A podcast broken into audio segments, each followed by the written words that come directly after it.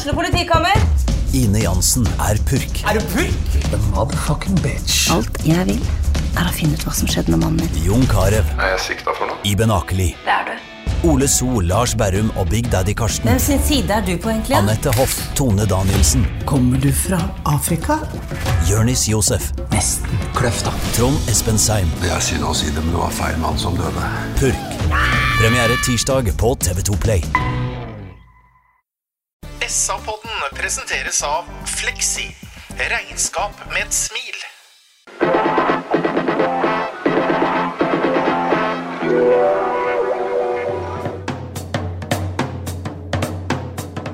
Sarpsborg Arbeiderblad gir deg en ny episode av SA-podden med Sven René Nygård, Øystein Weber, Petter Kalnes og Bjørn Inge Bingen Nilsen. Det er en usedvanlig stor glede å ønske velkommen til en ny episode av SA-podden. Sarpsborg Arbeidas helt egen fotballpodkast. Ved min høyre side så sitter det en eh, Vi kaller det en lånespiller. Som eh, er minst like god som Anders Hagelskjær, eh, Sarpsborg 8s beste lånespiller. Geir Arnesen, hei. Hei, Petter. Likte du å sammenligne deg med Hagelskjær? Ja, egentlig, men eneste likheten er vel at vi, vi var, vi var venstrebente og, og spilte midtstoppere. Ja. Men det er i og for seg greit, det, altså. En annen midtstopper, Sven René Nygaard, god dag. God kveld. Går det bra med deg? Ja da, det er litt eh, tung i huet og rød i toppen og litt av hvert, da, men eh, stort sett bra. Ja. Og alltid til stede i SA-podden er også Øystein Weberg. God kveld, Øystein Weberg. I like måte, Petter. Jeg heter altså Petter Kalnes, og vårt uh, faste medlem Bjørn Inge Binge Nilsen, han uh, ligger fortsatt på solsenga si på Kypros og koser seg. Kommer snart hjem, uh, Bingen. Forrige gang vi hadde podkast, Svein René, så prøvde vi oss på noen ja, beskrivelser av noen offside-regler, og vi prøvde å trekke noen linjer tilbake til da vi spilte i gamle dager og sånn, og det fikk vi kjeft for. For eh, her var vi litt på jordet. Vi må innrømme det. Ja, vi var det, men det, det er jo veldig rart, fordi at når jeg preka med andre eldre fotballspillere, så det, det minste de må, liksom. Så jeg håper at vi har tatt feil, da. Vi har tatt feil, og det var sånn at uh, vi går ikke inn på den, men både lokalt og fra det store utland, fra Thailand f.eks., der ble vi kalt for amatører som preker mener vi har vettet. Og det er jo egentlig godt sagt, er det ikke det? Jo, for så vidt greit. Vi prater jo mye, og vi er vel noen idioter, men eh, jeg tror vi er eh, helt ok idioter her inne i skinnet. Vi er det. Men eh, ta så skjerp deg litt i dag. Ja, ja, jeg, jeg skal gjøre det jeg kan. Bra. Vi har akkurat sett en fotballkamp eh, på Sarpsborg stadion. Årets siste på stadion ender eh, Sarpsborg 8 mot eh, Kristiansund ballklubb eh, 2-2. Vi starter som alltid med hovedinntrykket. Du kan jo starte denne gangen, du, Øystein. Ja, Da har jo også denne kampen litt sånn mellomnavnet omstendelig, da, hvis vi tenker i forhold til hva vi, hva vi leverer eh, offensivt. Eh, Det er jo en kamp som du sitter med en veldig sterk følelse av at, eh, at vi skal eh, om ikke slukke håpet for KBK helt, så i hvert fall bortimot. Eh, eh, Vi har jo ball mest, veldig mye mer, spesielt i, i første omgang. Eh, Men igjen, det, har vi jo, det blir jo et ekko av seg sjøl, det. Det har vi eh, gjort eh, ofte. Så igjen så er jo det store hovedinntrykket kanskje at det ikke materialiserer seg i nok sluttprodukt da, for å gjenta seg sjøl. Hvordan var sinnsstemningen din, Geir, da du gikk fra stadion søndag kveld?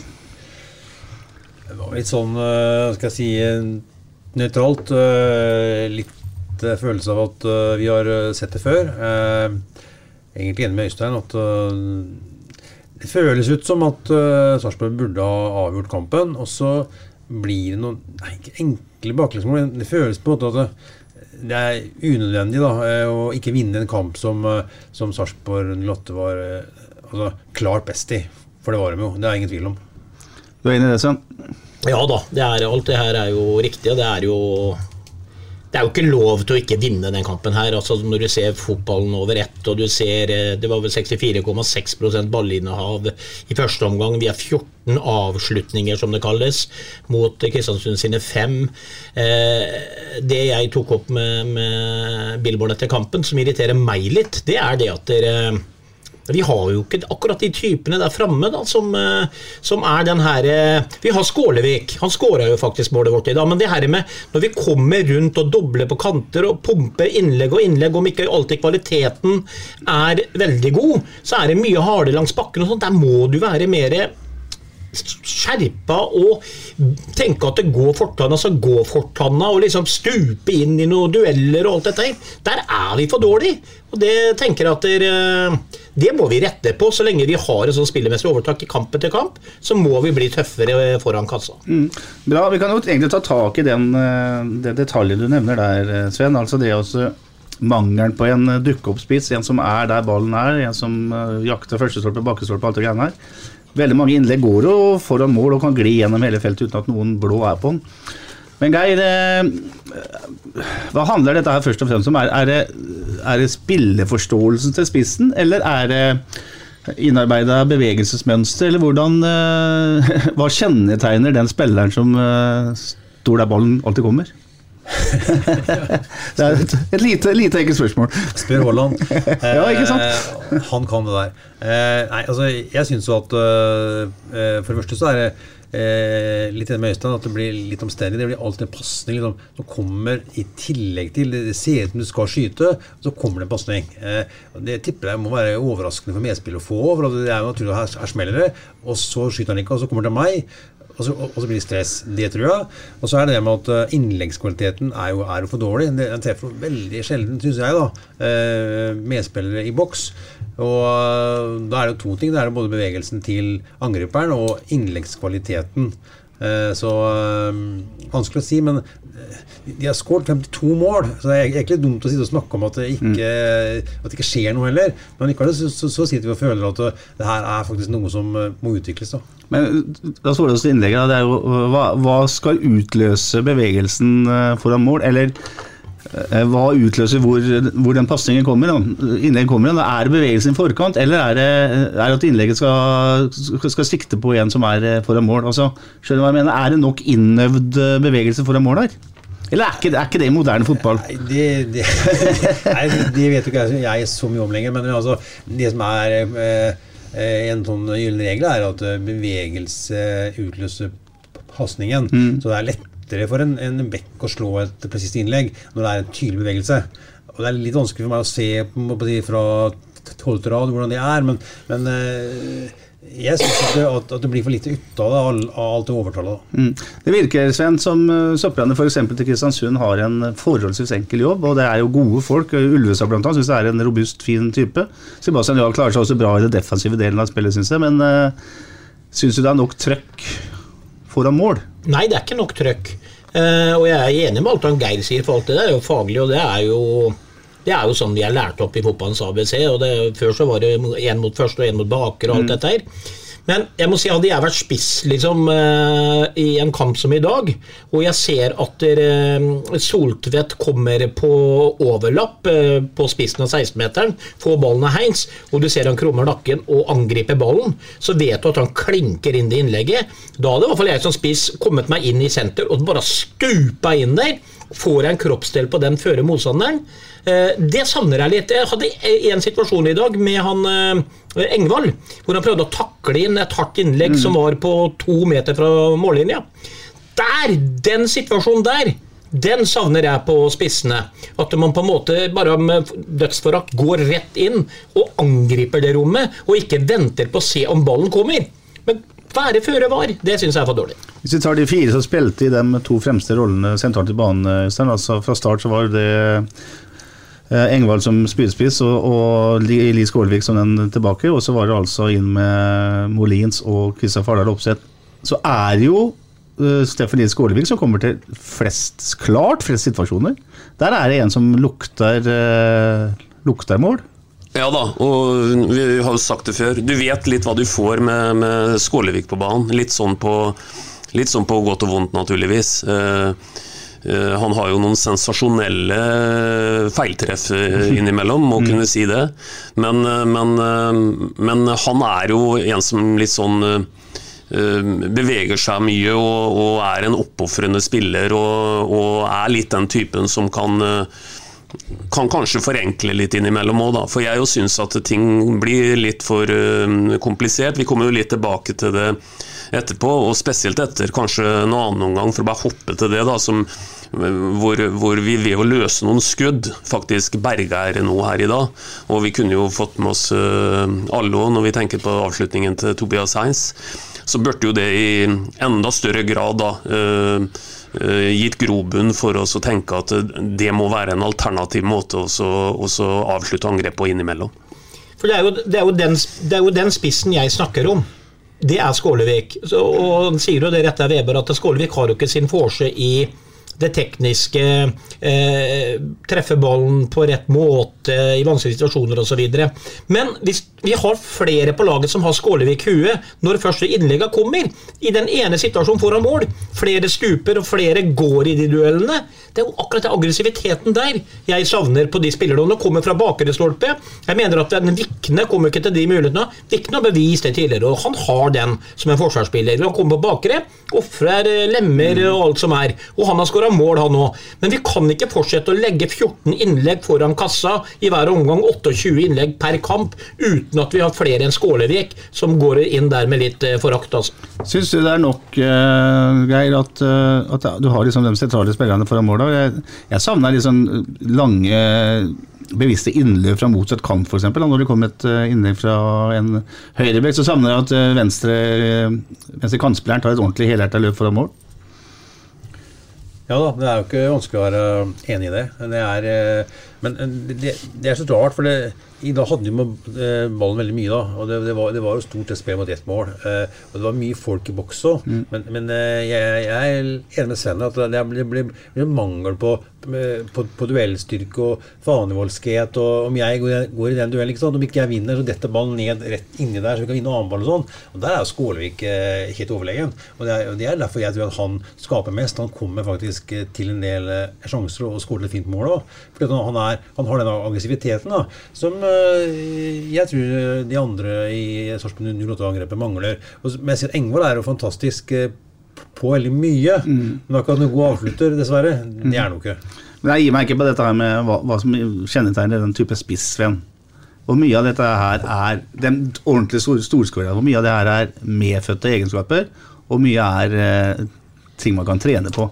Eller for å si det sånn, Hvor viktig er den der medfødte greia? da? Ja, Den tror jeg er veldig viktig, og det er, det er jo ikke uten grunn at dere altså man sier jo, Geir Tukøyen Haaland er jo et, et, enormt eksempel, men altså han har jo en tendens også Haaland til at selv om ikke han går i en duell, så kan han lese nesten hvor cirka kan annenballen havne. Mm. Og Det er jo kjennetegnet på en målskårer. Altså Selv om han ikke sjøl går i den første duellen, så har han en oversikt over at det er 40% sjanse for at den ballen havner tre meter til venstre nå etter den duellen, og så er han der og hugger.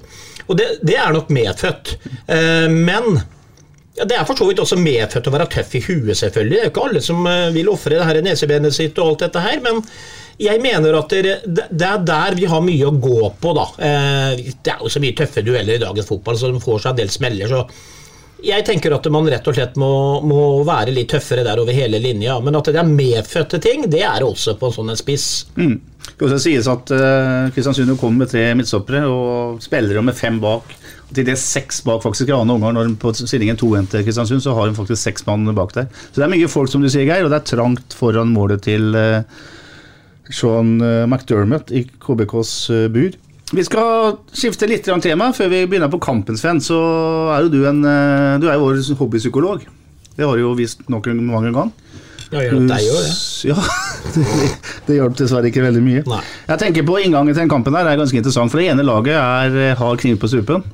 Det må egentlig vinne for å ha et det må i hvert fall ikke tape kampen. Det ene poenget er nesten ikke så mye verdt for dem. De skulle helst ha vunnet. Sarpsborg 08 har jo ingenting å spille for.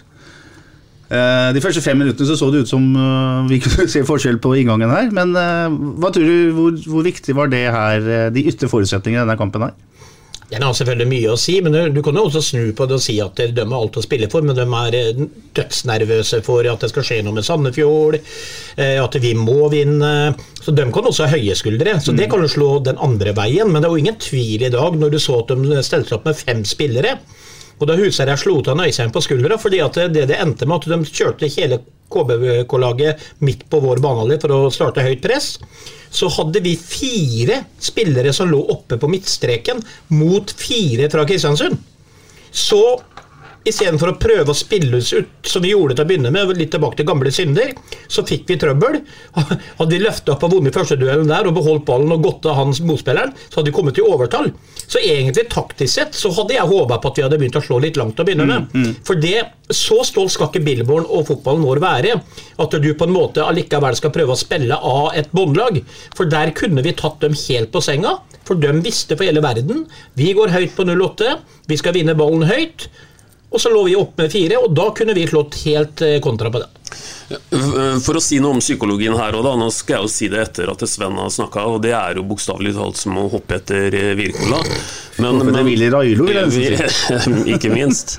Eh, Men, men det gjør jo inngangen til kampen her veldig spennende, da, Petter. For det er jo ikke nok vet du, at det ene laget er desperate. Altså, Desperasjon har aldri vunnet en fotballkamp i seg sjøl. Det kan jo slå ut alle veier.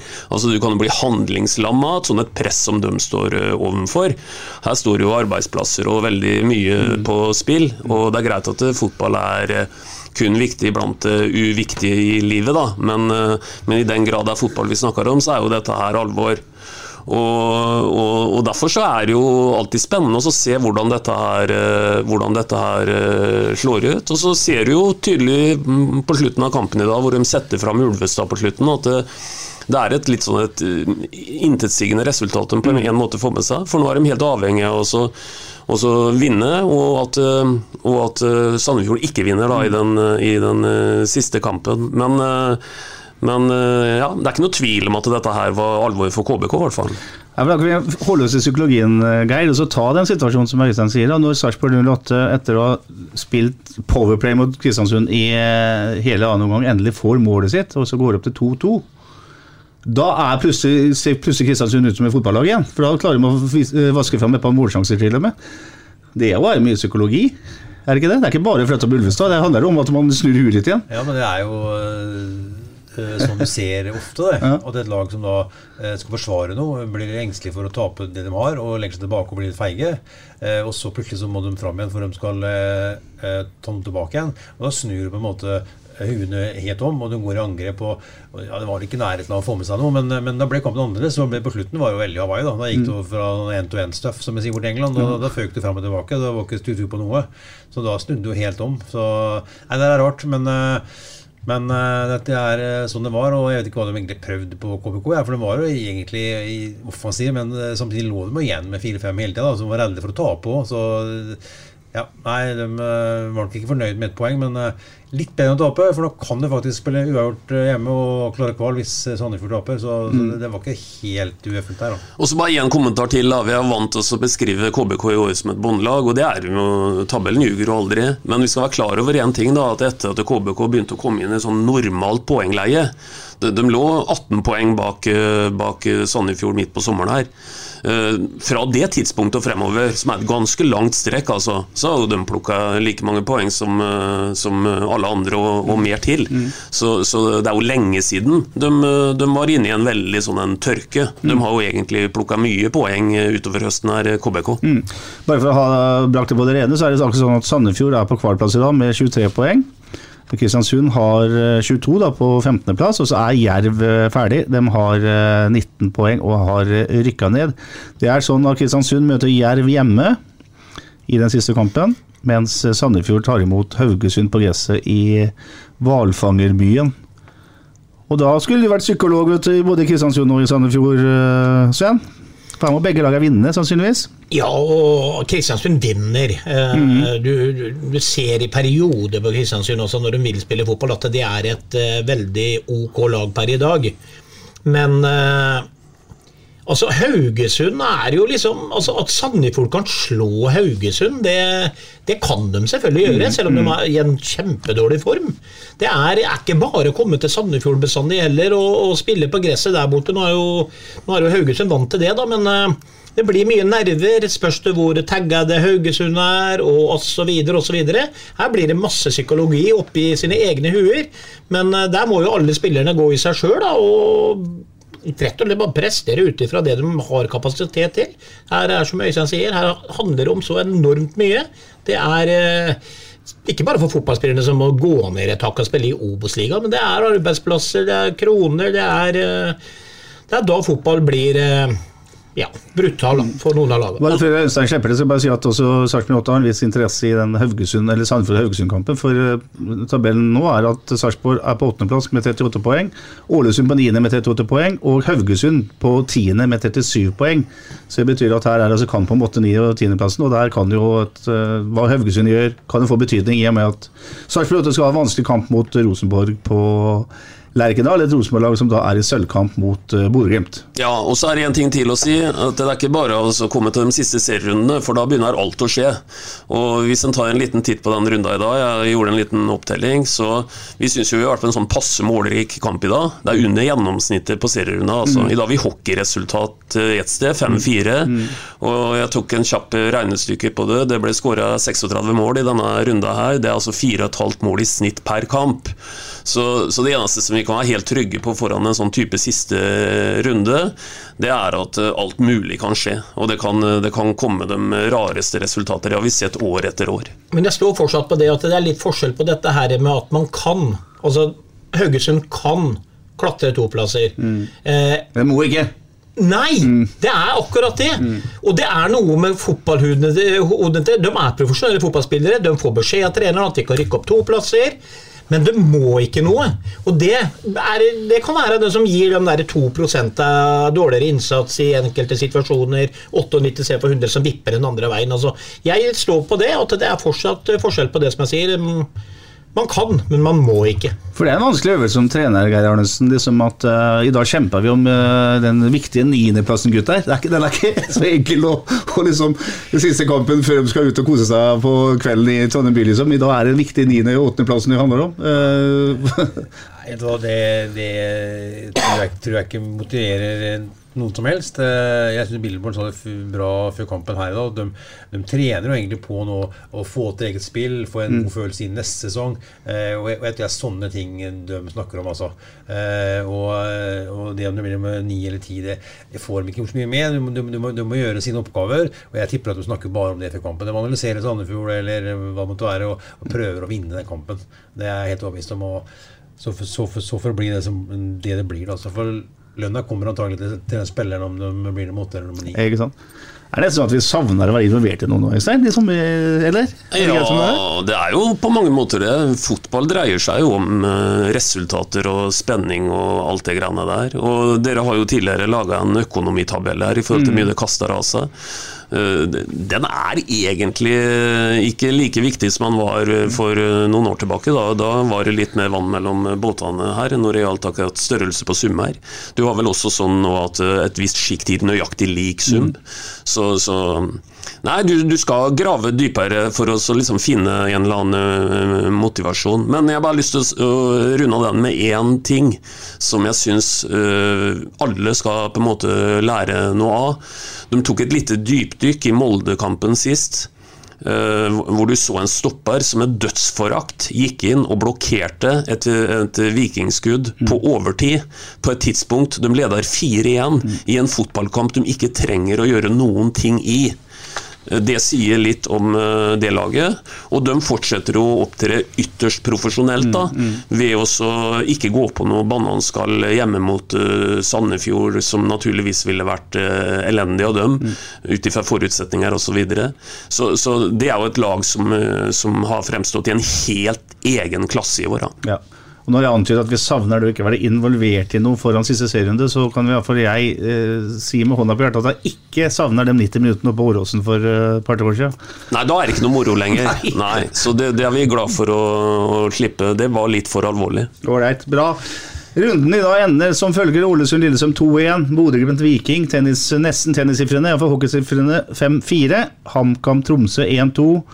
Haugesund-Vålerenga 1-1, Jerv-Rosenborg 2-4, Molde klarte Sandefjord 2-1, og Odd banka Strømsgodset med 5-1, altså, altså 2-2 på Sarpsborg stadion. Stefan Bilborn, Sarpsborg 8s trener, han gjør et par endringer fra kampen som laget som spilte mot Vålerenga på Intility forrige helg. Han eh, setter Ole Jørgen Halvorsen på benken og bruker Eirik Vikne på høyre bekken. Og så får Steffen Nils Skålevik en startsjanse i den dype spissrolla i stedet for Viktor eh, Torp. Det betyr Anders Kristiansen i mål, da. Vikne til høyre, Joakim Soltvedt til venstre på bekkene. Junior og Anders Hagelskjær er midtstoppere. Anton Saletro, Simon Tibling spiller sentralt midtbanen, og de fire fremste er Mikkel Margaard, Stephanie Skålevik, Tobias Heins og Gustav Engvald. Og jeg har lyst til å starte med Stephanie Skålevik har vi allerede snakka om, men jeg har veldig lyst til å snakke om en midtstopper, eh, Geir Arnesen, som jeg jeg kalte deg superreservert eller annet, og sammenligna med Anders drømmelånespilleren, tror jeg jeg vil kalle deg, deg, Geir. Og da altså Anders Hagelskjær, også en eh, lånespiller som virkelig har eh, gjort sine saker bra. Er han så viktig at eh, man må grave litt i lommeboka for å beholde den? Ja, Det er lett å si ja på det. da. Nå, nå, jo, nå har han spilt ni kamper, og han har vel ikke tapt ennå, tror jeg. Så eh, han er jo faktisk uh, ubeseira i, i troppen. Eh, og, men, men, men jeg syns han har kommet inn da, med en, eh, med en ro med ballen. Han, han slår den ballen faen meg 60 meter, han står helt stille. Mm. Eh, fantastisk venstreben eh, som kan gi noe offensivt. Så er han god i lufta. da, Han vinner veldig mye dueller. Og så er han jo godt plassert. da, Han, han er ofte der ballen kommer. Eh, Så så jeg er blitt veldig imponert over han. Og han var faktisk en spiller som Thomas Berntsen sa at vi ikke skulle ha så store forhåpninger til. Det er veldig merkelig, for han er liksom den som har eh, imponert meg mest, i hvert fall av de som har kommet nå eh, i løpet av sesongen her.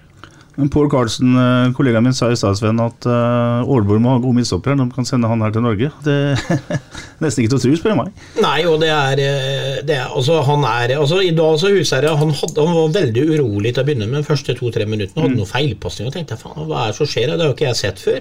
Og når de to-tre minuttene var over, så var han så outstanding. Altså Han var så ekstremt god i dag igjen at eh, om det handler om tillit, eller om det handler om eh, Eller hva det er, vet jeg ikke. Om han overpresterer i forhold til hva han har gjort i Åleborg og sånn, men det er jo helt rett i det. Altså, hvis de har eh, to, tre, fire stykken til som er bedre enn han der nede, så forstår jeg ikke hvorfor de ikke spiller ute i Europa mer enn det de gjør. For det, han har vært helt eh, fantastisk, og jeg eh, ja, oh, gud, jeg ønsker at han blir. Og så er jo som Geir sier, altså, i tillegg så er jo ikke han bare sånn midtstopper som går og dunker på og sånn. Han er dødsviktig for spillesilen. Han eh, finner medspillere høyt oppe i banen, setter i gang angrep bakfra. Og nei, rett og slett helt outstanding. Og i tillegg en veldig fin type, så det ut som. Fantastisk. Og Vi snakka i stad om å grave litt dypere for å finne noen motivasjonsfaktorer. ikke sånn som på tampen av en sesong. Det sliter ikke Hagelskjær med. altså. For, eh, for han kan gå ubeseira gjennom den tida han har vært i 08, da, ved å ikke heller tape mot Rosenborg i siste kampen. Og Hvis ikke han er opptatt av det, så ljuger han. Det, det, er han det er han veldig opptatt av. Og det hadde jo vært eh, supert for eh, altså alle disse spillere for sitt videre fotballiv, uansett om det blir i Sarpsborg eller andre steder. Og det er mulig vi kan eh, grave dypt og kanskje beholde den. Det hadde jo vært fantastisk, for det er jo ingen tvil om at han har tilført laget en eh, dimensjon. Men for han personlig, uansett, da, så er jo det en fantastisk fjær i hatten og noe å ha på CV-en. At han kommer altså inn på et lag som ligger på nedrykkskval. Og han er, går ubeseira gjennom den siste tredjedelen av sesongen med det laget. Eh, hvis det hadde blitt resultatet da, etter den siste kampen. Uansett, nå er han ni på rad uten, uten tap. Og, så han sliter ikke med motivasjon, i hvert fall foran siste kamp eh, borte på Lerkendal. Det ligger en klausul i at man eh, har et utgangspunkt i eh, hva, det koster å kjøpe den fri. Det er vel ikke noen grunn til å tro at de ikke prøver å være Eller er interessert i å titte på den og prøve den. Nei, de, de prøver helt sikkert å se på det, og, og se om det er mulig innenfor uh, noen fornuftige rammer. Og da er vel nettopp stikkordet 'fornuftige rammer', da. Mm. Så, er, så er det sånn Geir Arnesen, at eh, man per nå har tre stoppere på kontrakt. Det er Bjørn Igge Utvik, Magnar Ødegaard og Anton eh, Skipper. Skipper som jo har vært uh, gjennom en operasjon og er skada. I tillegg så har man altså i klubben per nå da Jørgen Horn, som er på utgående kontrakt, og altså Hagelskjær, som han har eh, lånt, og som han har en utkjøpsklausul med. Hva har du vært eh, komfortabel med Utvik, Ødegaard, Skipper og Hagelskjær?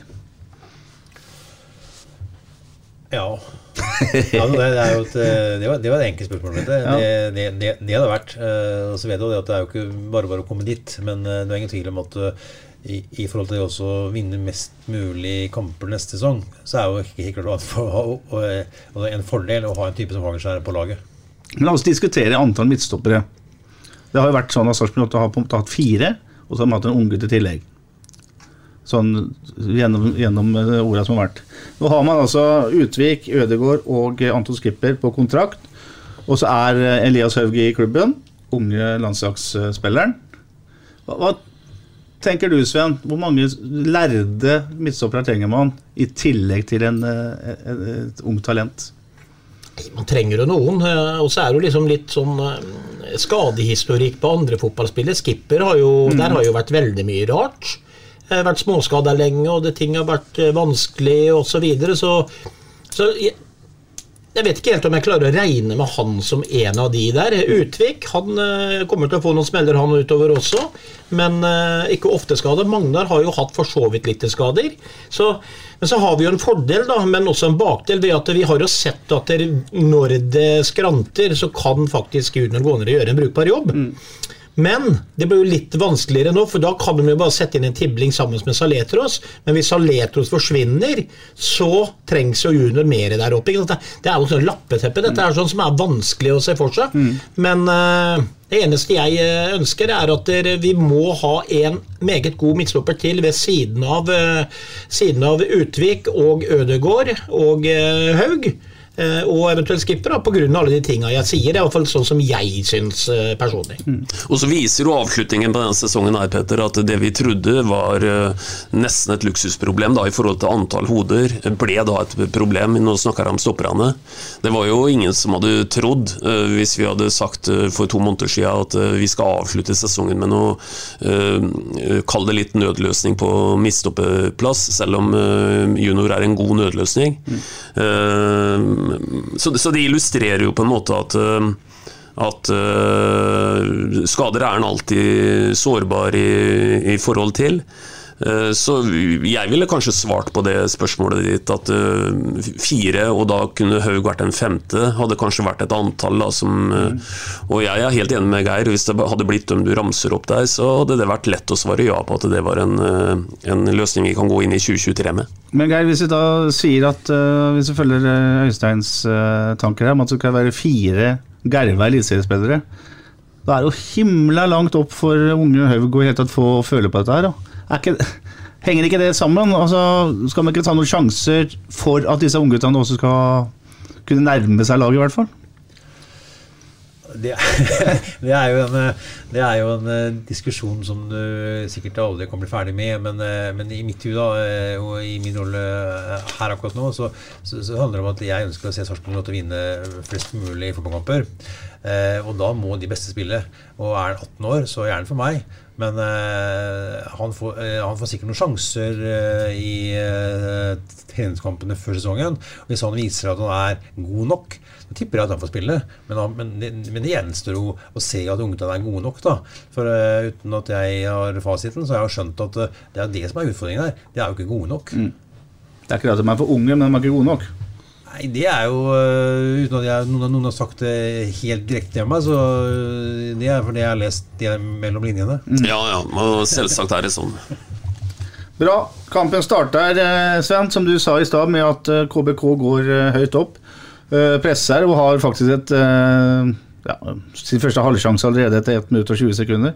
Eh, Så er det første gode angrepet til Sarpsborg 8 kommer etter snaue fire minutter. Det, starter, det ender med at Heins skyter med løsskudd. Fem minutter er spilt, da, da spissen til uh, islandske spissen til KBK, uh, Williamson heter han vel, er alene med keeper. Husker du returløpet til junior der? Ganske heftig returløp. Kom på etterskudd. Når igjen uh, islendingen og hindrer uh, en avslutning. Men så tar Sarpsborg 8 mer og mer uh, over her. Eneste KBK har i en periode som kommer nå, er at uh, Anders Kristiansen ute og mister et innlegg.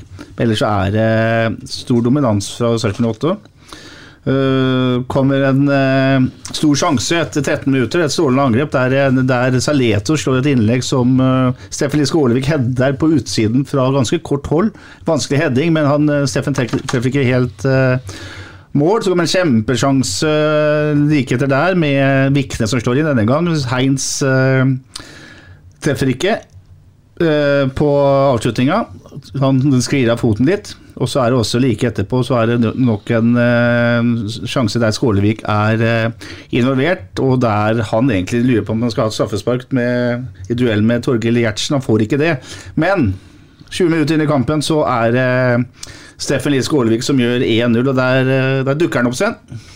Ja, og det, du, i den analysen du hadde der, så dukka han opp eh, nesten flere ganger. ikke sant? Så det er, det er jo ikke uten grunn, det. fordi at han, han lukter mulighetene, og han tør å stupe inn mellom svære, stolte karer. Og det er jo det som gjør Skålevik til et eh, Jeg holdt på å si et stygt ord, men eh, som gammel forsvarsspiller så er det er jo mareritt å spille mot sånne som han. For det første så blir du ikke kvitt den, og tror du blitt kvitt den, så er den der med en gang igjen. Og så gjør det seg himla vondt og, og møte den. Det er kun én spiller gjennom tida som jeg Og det er tilbake til den der eh, skam, skamtida mi, holdt jeg på å si, da var i FFK. Spilte sammen med Jan Raffen, faren til han Simen. På trening du kunne gå inn i Jan, Jan Raffen, så fikk det vondt uansett. For han hadde spisse albuer og knær og alt dette her. Og sånn er det med Skålevik, og de kvier seg litt vet du, for å gå i de duellene med han. Har du noen av blodpengene dine, forresten? Jeg fikk ikke betalt. Fikk ikke betalt? Nei? Du spilte for lenge som du får betalt. Ja. Vær så god, Jøsse. Ja, ellers så kødder jo ikke, kødder jo ikke Maigård heller til um, kall det ryktet sitt som poengspiller. da. Eh, han har jo en utrolig viktig involvering i den, den der, hvor han får kippa den inn igjen til, til Skålevik. Maigård eh, har vært bedre han enn det han har vært i dag, men, eh, men jaggu er han det vi tidlig forventa han. Mye involvert i enten nest sist eller sist på ball, og det gjør han ikke noe skam på i dag heller. da. Helt enig. Angrepet er veldig fint. Eh, Engvald har egentlig skuddmulighet, men han spiller den til Hein, som med venstrebenet skyter eh, og tvinger Sean McDermott med til en kjemperedning. Så er eh, Margaard, som Øystein sier, eh, framme på returen sånn cirka på dørlinja, og slår en pasning foran mål der eh, Lie Skålevik setter den i det åpne buret. Og da var alt fryd og gammen, men den varte bare i to minutter. Eh, Geir Arnesen. Og da mener jeg at uh, Joakim, Soltvedt uh, avslører at han ikke er uh, forsvarsspiller fra barnsben av. For den klareringa han har i forkant av Amadou Diops uh, fantastiske skudd, det holder jo egentlig ikke mål. Nei, det gjør du ikke. Og så skal, skal det sies at uh, i uh, 100 av øh, i 99 av 100 ganger så hadde ingen kommentert den, den, den, den, den klareringa til, øh, til Soltvedt. Så det er sånt som skjer. Men han får et kjempetreff, og ære være han for det. Men det er klart sånn i teorien så skulle den ballen hedda enten lenger ut på sida eller lengre. da. Og så er det sånn at han, han får stå alene der. Jeg synes det, er, litt rart også at det står jo egentlig to Sarpsborg-spillere ute på utsida av boksen, der, men de står liksom fem meter unna han som skyter. Så når han først får ballen, så kommer han ikke bort, da. Men uh, herregud, for en treff, egentlig. Hva tenker du? Nei, det var bra du sa det nå, for jeg og Øystein vi satt og prøvde å se på reprisa. For vi sitter jo langt unna på det målet der. Eh, på hvem det var som hedda den ballen ut. Nå fikk vi jo svar på at det var Soltvedt. Det er klart at det er Den første tanken min i ettertid er at han hedda jo ballen eh, bedre enn spissen på Kristiansand kunne ha gjort til sin egen spiller. På det verste rommet som var. Han var mest ledig av alle. Og han fikk en rett i føttene, så han kunne ta ett touch og klinke det på neste touch. Liksom. Så det er klart Geir har helt rett som gammel forsvarsspiller. Han, vet du, Geir har hedda jo mye i hytt og pine, han, men det gikk jo som regel utover sidelinja. Og det er det han skulle gjort òg, ikke sant? For da hadde det blitt et innkast, og så hadde jo ikke det målet kommet. Nei da, og det er jo som Sven sier, at eh, det, det beste en kan si, eller det verste om den situasjonen her, det er jo at uh, Soltvedt hedda jo den som han spiller i KBK-drakt. Det er jo en nydelig målgivende. Men det er klart, når først det skjer, da, så, og det er jo, Geir har jo et godt poeng vi, vi, diskuterer jo ofte situasjoner basert på konsekvens. Og, og da blir det på en måte litt mer under lupa. For uh, hadde ikke den avslutningen der kommet, så hadde vi antagelig ikke sittet her og brukt så veldig mye, mye tid på det. Og, og avslutningen er jo, uh, er jo uh, smått fantastisk. Ja, det er det, vet du. Vi, vi, har jo, vi har jo hatt noen artige diskusjoner på hva er en målsjanse. Og det er klart Når Amadou Diop får den der på 17-18 meter, så er det kanskje til og med 19 meter, så er det ikke absolutt noen målsjanse. Hadde det vært uh, Zinedine Zidane på sitt beste, så er det jo en målsjanse. Det er ikke det når Diop uh, vanligvis får den. Men fytte rakkeren for en treff. Det er jo en sånn uh, årets mål på på stadion-nivå, det der. Ja da, og er Altså- han glad i fotball, så er det klart at uh, det, en må jo bare berømme et sånt et skudd. Det, det, det er jo et trøkk i det som en faktisk sjelden ser. Vi hyller uh, senegaleser Diop for det målet der. Veldig, veldig bra. Og så er det Ja, det er en lang rekke med Sarpsborg 8 minutter med overtall. Hein skriker på en straffe etter 26 minutter. Jeg tror han skal ha det. Eh, så er det et innlegg igjen der Skålevik er involvert. Det er en nydelig spill der både Hagelskjær først skipper en pasning til uh, Vikne, som treffer uh, Maigård. Og innlegget der er Skålevik på, men han klarer ikke å få ordentlig treff på den. Kommer Kristiansund på en sjelden sjanse. Det er Pemi i spissen der, som, fra Kamerun, som Husker dere den? Løper alene mot Anders Kristiansen. Og apropos returløp, der viser Hagelskjær også at han er hurtig. Ja, det er klasse det Hagelskjær eh, gjør der. Måten han, eh, måten han eh, kommer seg inn i og får blokkert den, den da, da, viser jo Hagelskjær at i norsk eliteseriemålestokk da, så er jo Hagelskjær rett og slett en komplett midtstopper. Interessant takling der, Geir. For der skal du være sikker for å tørre å gå ned og takle bakfra der. Ja, det skal du. Og uh, veldig ofte så er det sånn at, uh, at stoppere også har jeg sett nå selger seg der. At de, de uh, tar, tar, sjansen på et skudd, og så blir de dratt helt ut. Men her ble det veldig bra. Han, han tima det perfekt og fikk til en god blokkering. Da. Nå kom vel til at corneren endte i scoring, men, men, den jobben han gjorde der, var meget bra. Mm. Får ikke den, den var litt senere, så det blir en corner som heter scoring. For det er litt til før vi kommer så langt. Det er Nok et stort angrep av 08 etter 40 minutter. Der Engvald dessverre blir blokkert etter at både Tibling, Soltvedt og Saletos har vært involvert.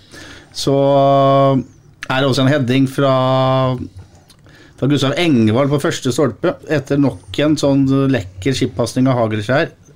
Innlegget fra Tibling, der kommer ikke Engvald over ballen, så skuddet går også over mål. Det er jo liksom litt sånn, vil jeg nesten si, litt på den negative kontoen for Engvald i dag.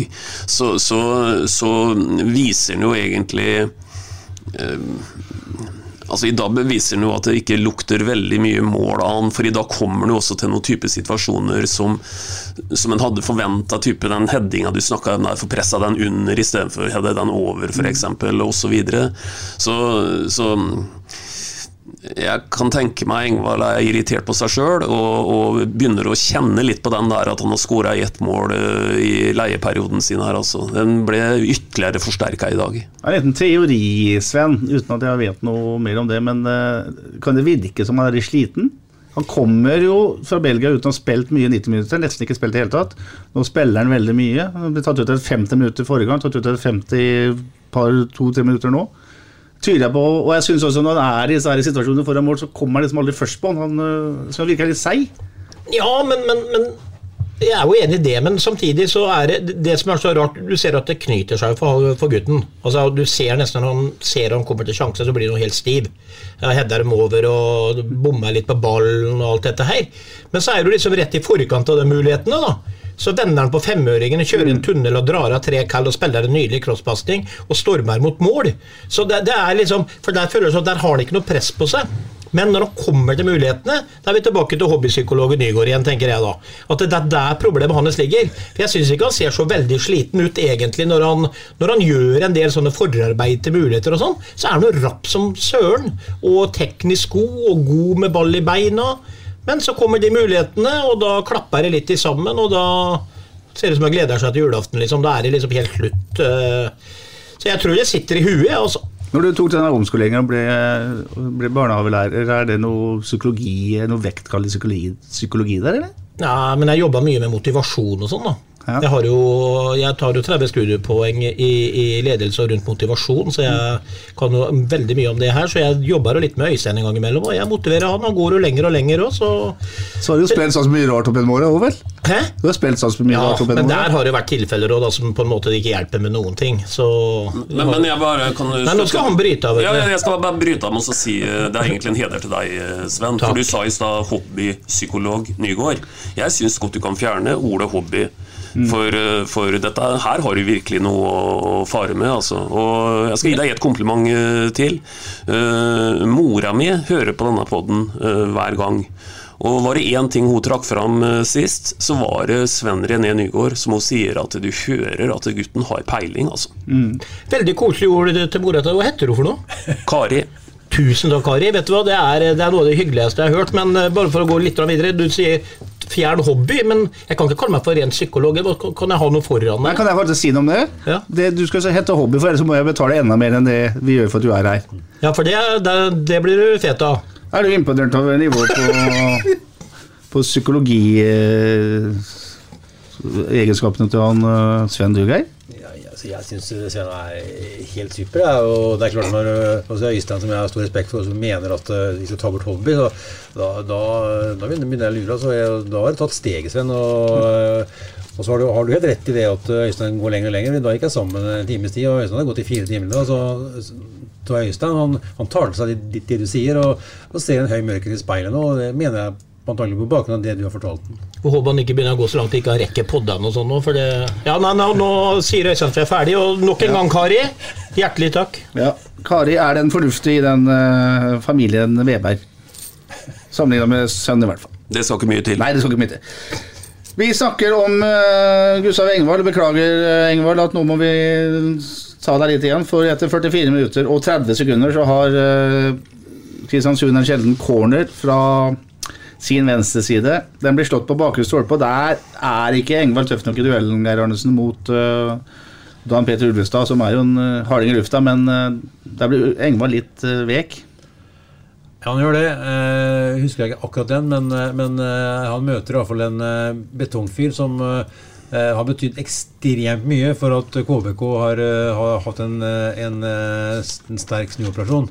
Så han eh, Ulvestad er, eh, er eh, hard å møte, og, og eh, det er tydelig at eh, Engvald hadde hørt om det og ble, ble litt forsiktig.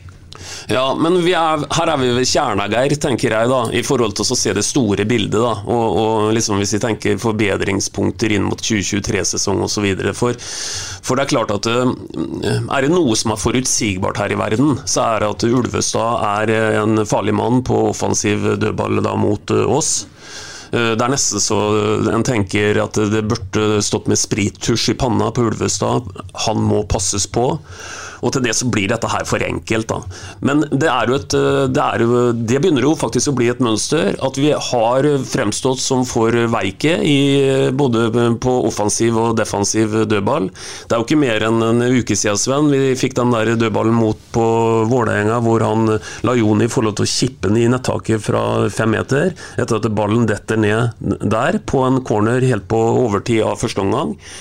Og det er, det, Dette er litt historien eh, som gjentar seg. Uh, Hagelskjær er en robust uh, uh, dødballspiller, men det er litt for tynt rundt han. Og vi er, vi er for utsatt altså, i sånne typer situasjoner som det. Vi kan jo holde oss, ta bare to minutter om forsvarsspillere generelt, eh, Sven. Altså I dag så stiller Sarpsborg 8 med eh, to backer som vi er enige om, alle vi fire, at er usedvanlig mye bedre med ballen uten ball, offensivt enn defensivt.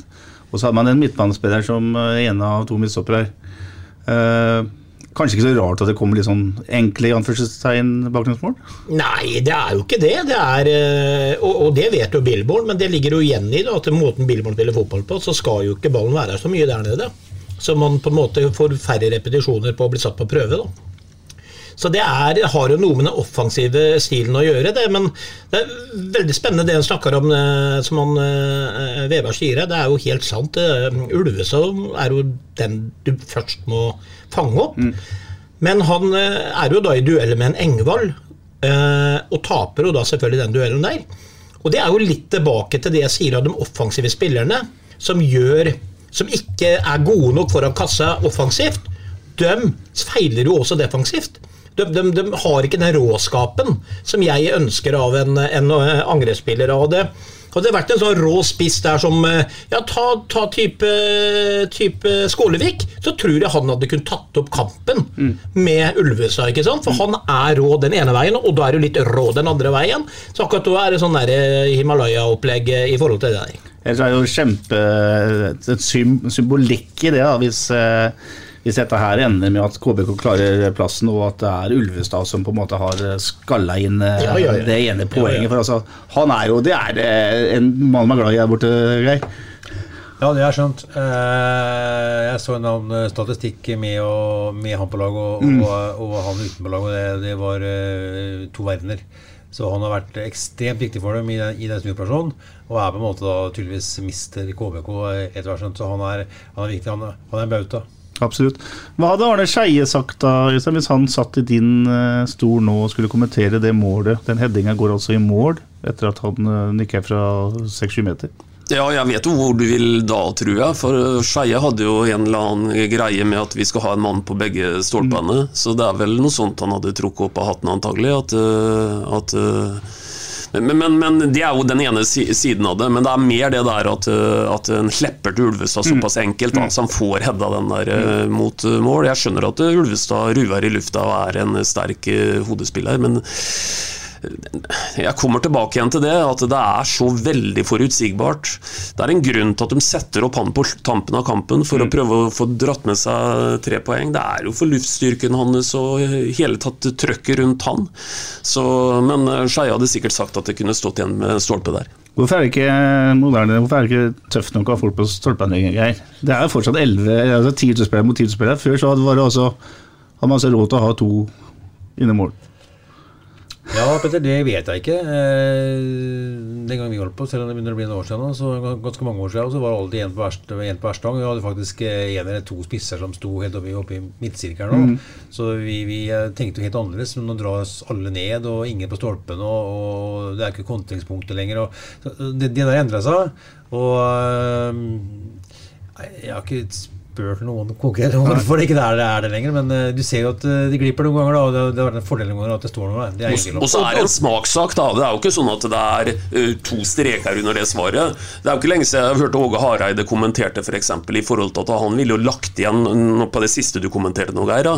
Du må alltid ha et eller annet oppspillspunkt, et kontringspunkt, på en måte. Han ville ikke ta noe mer eh, eh, tid av utespillerne ned på en, på en dødball.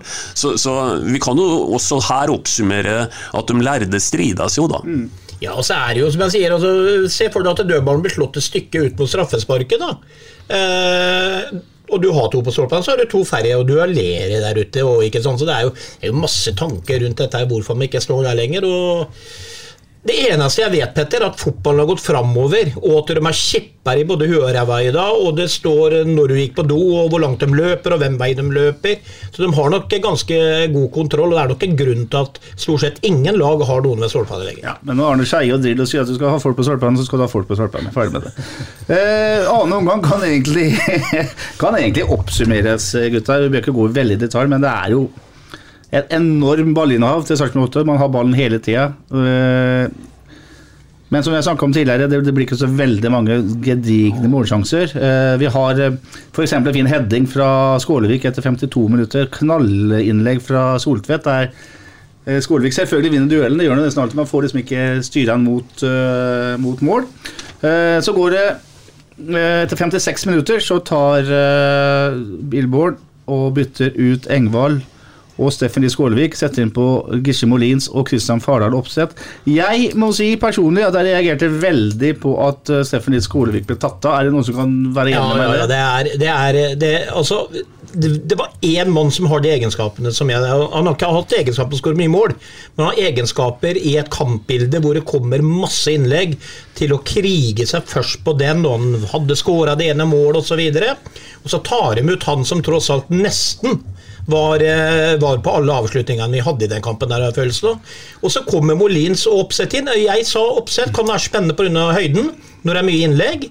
og så tar vi inn Molins. Altså, vi, vi, vi ble tempofattige sentralt her, syns jeg. Det, det, det, var ikke bra. Du kunne godt tatt inn Oppsett, men du skulle ikke satt inn Molin, så du skulle ikke tatt av Skålevik. Der er jeg totalt enig med deg, og jeg synes det er Akkurat det syns jeg var helt horribelt, så lenge det er Skålevik som tross alt sto bak stort sett alt, pluss var målskårer. Hva tenkte du, Geir? Jeg tenkte jo at uh, det, her, det, her, er jo fornuftig, egentlig. Men, uh, men uh, når jeg ser hvordan det gikk, så mista jeg jo på en måte sånn intensitet og aggressivitet som Skålevik står for. Du mente at det skulle vi fått med Molins? Nei, eh, det er det jeg mener. at eh, Jeg tok tanken da at han skulle bli et oppspillspunkt og skulle antagelig få, få mer flyt i pasningsspill eller mm, mm. et eller annet sånt, som også er en tanke. Men, men når ikke det lykkes, så er det ingen tvil om sett i ettertid, så er det klart at det var et dårlig bytte. For at intensiteten gikk jo veldig mye ned etter at det byttet skjedde. Jeg tenkte at vi er ikke noen fotballinfluensere, tenkte jeg, eh, Petter. For eh, Forrige gang så satt vi oss og saga det at de tar av, eh, tar av Engvald etter 54 minutter og setter inn på en Molins. Og svaret på det, da, etter at det har vært oppe i, i Høyesterett her rundt bordet, det er at den øvelsen kopierer dem. Så, så vi må bare konkludere med at det er begrensa gjennomslagskraft altså, som vi har. Vi kan vel slå fast at hvis ikke vi kan være fotballinfluensere, så, så vet jeg rakkeren hva vi skal påvirke dette samfunnet med? Nei, vi klamrer oss til det halmstrået uke til. ja, vi gjør det. Herlig. Eh, det går ikke mer enn fire minutter før det kommer to nye bytter. Eh, og da er det sånn at Eirik Vikne går ut, og Ole Jørgen Halvorsen kommer inn. Simon Tibling gir seg til fordel for Viktor Torp. Vi må bruke litt tid, vi skal ikke bruke mye tid, for vi har brukt mye tid på Ole Jørgen Halvorsen tidligere, Sven. Men det faktum at han kommer inn, spiller en halvtime Eh, situasjonen hans er ikke avklart. Hva tenkte du? Nei, det mye rart, egentlig. Eh, fordi, som sagt, eh, jeg håper at det kanskje for Ole Jørgens skyld innebærer at han får en ny korttidskontrakt, at han er innbytter i dag. Fordi hvis de ikke, det er bare min personlige mening, så er eh, Når jeg sier Sarpsborg 08, den første jeg tenker på av dagens fotballspillere, det blir Ole Jørgen Halvorsen. Han har vært med på hele reisa, eller mye av reisa. Han har bidratt med masse og sånt noe, så da håper jeg at det som sagt tilsier en korttidskontrakt, fordi at det ville være litt kjipt eh, i mine øyne, da. Eh, profesjonelt eller ikke. Alle vet at Ole Jørgen, om han hadde starta i dag, så hadde han prestert godt. Han har prestert veldig godt i det siste. Så hadde det jeg ønsker ikke at dette var den siste kampen, at ikke vi fikk tatt ordentlig avskjed med den, i hvert fall. Mm. Eh, og da betinger jo det at man kanskje kunne ha prata litt mer i mine øyne, og hatt en avklaring på det. Så, så både Billborn, supportere, alle hvis, vet om han skal være med eller ikke. For hvis, han, hvis det på en måte er bestemt, så er det én på det 08-laget som får fortjener en eh, stående applaus eh, når du blir bytta ut. Da kunne heller bytta den ut når det var igjen eh, mm. fem minutter. Det er siste mm. kampen til Ole Jørgen Halvorsen mm. på Sarpsborg 08. Det er min personlige mening. Så da håper jeg at det som nok en gang sier, tilsier at han har en et, ettårskontrakt eller et eller annet på gang likevel. Jeg har skrevet noe av det samme som Sven sier, Øystein Weber. Men er Sven og jeg bare sånne sentimentale fotballgubber som er litt for glad i de guttene som vi har sett i år etter år etter år? etter år? Ja, vi er vel kanskje litt i den eh, kategorien alle sammen. Eh, så det, det er vel ikke sikkert gjelder vel ikke kanskje bare deg og Sven. Men nei, altså Det er litt todelt, uh, det her. For hele diskusjonen den blir jo bare veldig pussig. Uh, hvis vi nå leser i SA til tirsdag f.eks. at uh, Ole Jørgen har fått en ny ettårskontrakt, f.eks. For, mm. eksempel. for da har, jo, da har jo åpenbart en plan med, å, å, med, med dette her har vært at han har ikke vært reelt tella ut av denne diskusjonen. Han skal, han skal fortsette. Og så er det vel også sånn, da, i kall det rettferdighetens navn, at at en har vel også avskilta noen andre opp igjennom eh, som ikke nødvendigvis uh, uh, har fått den uh, gylne muligheten som han Sven etterlyser. Da. Jeg tenker på en Ole Heieren i sin tid osv. Uh, jeg husker ikke helt når det ble avklart, men jeg mener å huske at det ble avklart etter, etter at han hadde spilt siste seriekamp på stadion. Mm. Mulig får korrigere meg hvis jeg tar feil. Mm. Siste seriekampen han spilte var jo, eller var involvert i, var jo i Molde da man sikra bronsemedaljen. og da da, da har jo ikke Heieren, som jo er en fantastisk ambassadør for Sarpsborg 8, han har jo ikke nok kamper til å få medalje, og han får da bronse til Geibakke Geir Bakke. Geir Bakke, ikke sant? Ja, ja. Mm.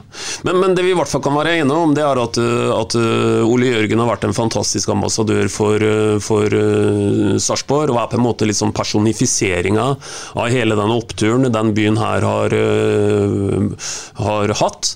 For vi skal huske på det at vi har ikke lenger, vi har ikke lenger toppfotballerfaring nå i nyere tid her i byen, enn at han faller ganske mye sammen med karrieren til, til uh, Ole Jørgen. Som innebærer, da, som vi har vært innom før, alt fra et uh, avgjørende salg for å få inn noen, noen kroner, til kanskje den mest berømte uh, sparket i fotballens nyere historie, med straffesparket i Israel osv. Så, videre. så det er jo ingen som, som som ikke hadde ønska å få gitt han en uh, verdig avslutning. Så får vi se nå, da, hva som, uh, hva som uh, kommer ut av dette her. Men Geir Arnesen, er, det plass til sånne ting vi snakker om nå i en eh, helprofesjonell, kynisk eh, toppfotball? Eh, det at man skal legge opp et opplegg som gjør at man skal hylle en tro tjener? Eksempel. Nei, nei, altså det er jo Hvis det er avklart, så er det selvfølgelig det, det gøy. Du sier jo at uh, folk blir tatt av uh, ti minutter igjen for å få applaus og sånn, så det, det er jo ikke uvanlig at, at når du har muligheten til det, så, så gjøres det. Og jeg kjenner jo Ole Jørgen, og det er en hyggelig person, og, og, og, og han er lokal gutt, og, alt det der syns vi er fint. Eh, og så ønsker vi at, at laget skal vinne mest mulig kamper til neste år. Og, og, da- må liksom de som da skal prøve å stable et lag på bena, da, de må få lov til å bestemme det. Det syns jeg hvem, hvem skal da være Sarpsborg 08s tropp neste år? Og jeg hadde svært gjerne ønska at Ole Jørgen hadde vært med der, selvfølgelig. Men eh, så må vi ha respekt for tror jeg, at eh, hvis de som bestemmer at han ikke skal være med, at, at de også da må få litt tid nå. For det er mange, det er, det er jo en fem, seks, sju stykker eh, eh, som skal ut. Så det er jo ikke noen lett kabal der. Men at, at, at, at vi som lokale eh, og på, på si, eh, holder oss på hjertet, Mm. så er det ingen tvil om at vi hadde ønska at, han- at han skulle få en, en sesong til. Det bra, Vi lar det være siste ord så langt. Vi skal garantert snakke mer om Ole Jørgen Halvorsen. Og når du nevner disse spillerne som vi kan ha sett for siste gang på stadion, da, som også Sven snakka om i SA-TV-sendinga, så er det i tillegg til Halvorsen Anton Saletros, Kristian Fardal Opseth, Gisje Molins, Tobias Heins, Anders Hagelskjær, Gustav Engvald, i tillegg til at Jørgen Horn også har utgående kontrakt og også er eh, skada. Så det kan bli masse utskiftninger. Eh, Etter 65 minutter så har eh, Sarpsborg 8 65% ballinnehav i denne matchen. Det er altså total dominans i banespillet. Jeg skriver på, listen, på blokka mi her at eh, Kristiansund slår icing. Der borte vet jeg knapt hva icing er, men de hvert fall fra seg ballen hver gang de hadde den, og at det var helt sjanseløse. Men det går helt til det 75. minutt, Sven, før eh, man får 2-2. Og vi har snakka om at Joakim Solseth Hedda klarerte dårlig med huet, men det er sikkert noe han traff på det 2-2-skuddet. Ja, Altså, han har jo et vidunderlig venstreben, og han kan jo bruke det enda oftere. Det er jo, Øystein har jo egentlig vært inne på det eh, tidligere, at vi er omstendelige da, og at noen ganger så istedenfor å legge innlegg, så kan han klinke den på skudd, kanskje han treffer et bein eller et eller annet, og forandrer retning og går i mål osv. Men eh, jeg vet at Øystein vil si noe nå. Men jeg, må bare litt tilbake til det du sa i stad. Det har ikke noe med Ole Jørgen å gjøre, sånn, Petter. Det handler litt om dette her med alle de spillerne som er på vei ut. Og det syns jeg var litt deilig på det intervjuet vi hadde med Billboard i dag. Fordi jeg spurte han om akkurat dette her, at nå er det mange som kan ha spilt den siste hjemmekampen og alt dette, her, og så diskuterte vi litt rundt det.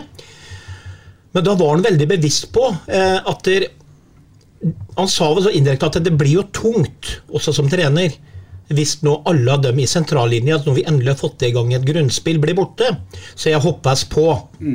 Og da, da fikk jeg en sånn liksom god følelse at noen av dem som vi snakker om her nå, kanskje da klarer dem For han vet jo litt, vet du. Eh, og han var sånn brukbar positiv til akkurat det, og så det som et problem, da.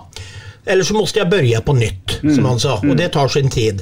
Så ut ifra det så syns jeg det var et sånn deilig intervju med Billborn hvor hvor jeg har litt større håp da, for at noen av dem vi ønsker skal bli, faktisk blir. Ut ifra det han sa til meg. Men uh, Soltvedt, Ja. skyt oftere! Geir Bakke brukte ordet eh, rekruttskole han om det å starte en ny sesong med Sarpsborg 8, for det var alltid en hel gjeng med nye rekrutter som man skulle lære å pakke sekken og pusse skoa. Og så bare peker du på meg, så skal jeg dra noe militære analogier. Skal jeg si noe? Du, du ba om ordet. Ja, nei, men jeg, i forhold til det, det som vi snakka om nå med han eh, Soltvedt, så, så tok for så vidt Sven det poenget. Gjøre oftere Soltvedt. Uh, la meg bare ta ett bilde på det, da. Og så har vi ikke noe, vi har ikke noe sånn uh, Dette her er ikke noe matematikk med to streker under svaret, men jeg snakka litt med Geir i dag tidligere. Uh, vi kan ta et konkret eksempel fra den forrige kamp, da. Hvor, eh, hvor Maigård spiller opp eh, Engvald. Han spiller en ball innover. Eh, Heinz hopper over den ballen, og det kommer en tibling som avslutter med, med eh, sånn lø- Løskrutt. løskrutt. Eh, Den, den situasjonen syns jeg er litt sånn interessant å dvele litt ved. For det er to alternativer, i hvert fall to. Og Det ene er at Engvald avslutter sjøl i den situasjonen og setter en knallhardt mot lengste. Det andre er at han gjør det han gjør. Men ved å gjøre det han gjør, så innfører vi noen eh, nye feilmuligheter her. Eh, Heinz skal lese den, så han skal hoppe over den. Hvis ikke så er kanskje det game over på den muligheten. Og ikke minst så skal Tibling avslutte med noe mer enn løskrutt. Det er litt den der varianten der. Må vi ha fire trekk foran eh, avslutninga? Når vi noen ganger kanskje kunne stikke gjennom ballen og nøye oss med to, da. Så, så det tenker jeg litt. Og i hvert fall når vi går oss litt fast, da, og litt uh, ofte. Og så får jeg gjenta det, da. At etter den andreomgangen i dag, hvor vi Jeg har i hvert fall en, bare en tre-fire skuddavslutninger sånn i minne, og, og de skaper farligheter. Eh, Torp eh, sitt skudd det blir blokkert litt tidlig før- i annen omgang. Mm. Det blåser jo inn det der til Soltvedt, det er jo en fantastisk avslutning. Og så har vi jo den til Heins, da, som eh, mangler noen eh, centimeter på å bli bortimot et årets mål, det òg. Så det burde jo gi ytterligere liksom, kall det en motivasjon til å så eh, brekke opp det kompliserte innimellom med det enkle. da. Mm. Og det artige er jo også, når vi satt og skulle omtale Kristiansunds første mål, så var vi veldig opptatt av Soltvedt hadde klarert veldig dårlig. Jeg har fortsatt ikke nevnt at det var en elendig klarering fra en KBK-bekk her som gjør at uh, Soltvedt får ballen, så det går begge, begge veier. Det der. Vi, ser hvilke øye vi ser med. Vi avslutter med det som kunne vært eh, kanskje dagens prestasjon, eh, Geir. Eh, her ser vi Tobias Heins på sitt aller beste etter 84 minutter. Drar seg inn fra sin venstrekant og dunker den i motsatt hjørne. Der er det snakk om millimeter. Ja, det er veldig synd at ikke den går inn, selvfølgelig. For det er klart det er jo fantastisk eh, skudd, og det har vært en eh, utrolig herlig avslutning på eh, hjemmesesongen i eh, 2022, da. Så, eh, og så var det millimeter fra toppstøtte og så kunne fått eh, gjort noe med returen. Men, eh, men Mm. der må jeg si at marginene var litt mot, for det hadde vært en fantastisk avslutning på sesongen. Og Tenk hva det betyr for uh, Kristiansund, den, de centimeterne der en uke før de skal møte Jerv i sin siste kamp. Ballbesittelsen den ender i min eh, den statistikken jeg har, med 63% til Sarpsborgs fordel. Eh, 22 skudd blir eh, løsna fra Sarpsborg, 7 fra Kristiansund. Men det er altså 6-4 i skudd på mål, og det sier jo litt om det du har eh, sagt. eh. Øystein, du kan få til å avslutte, Sven, med å si eh, Konkludere, da. Årets siste hjemmekamp. Masse god Billboard-fotball.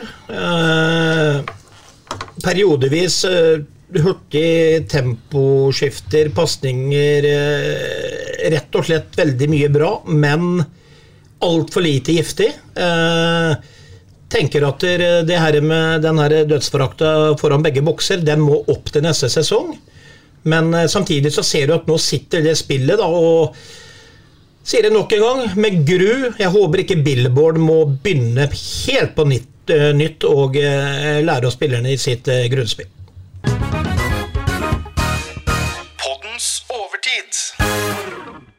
I overtida så skal vi være så ubeskjedne Øystein Weber, at vi skal snakke om noe vi skal være med på sjøl.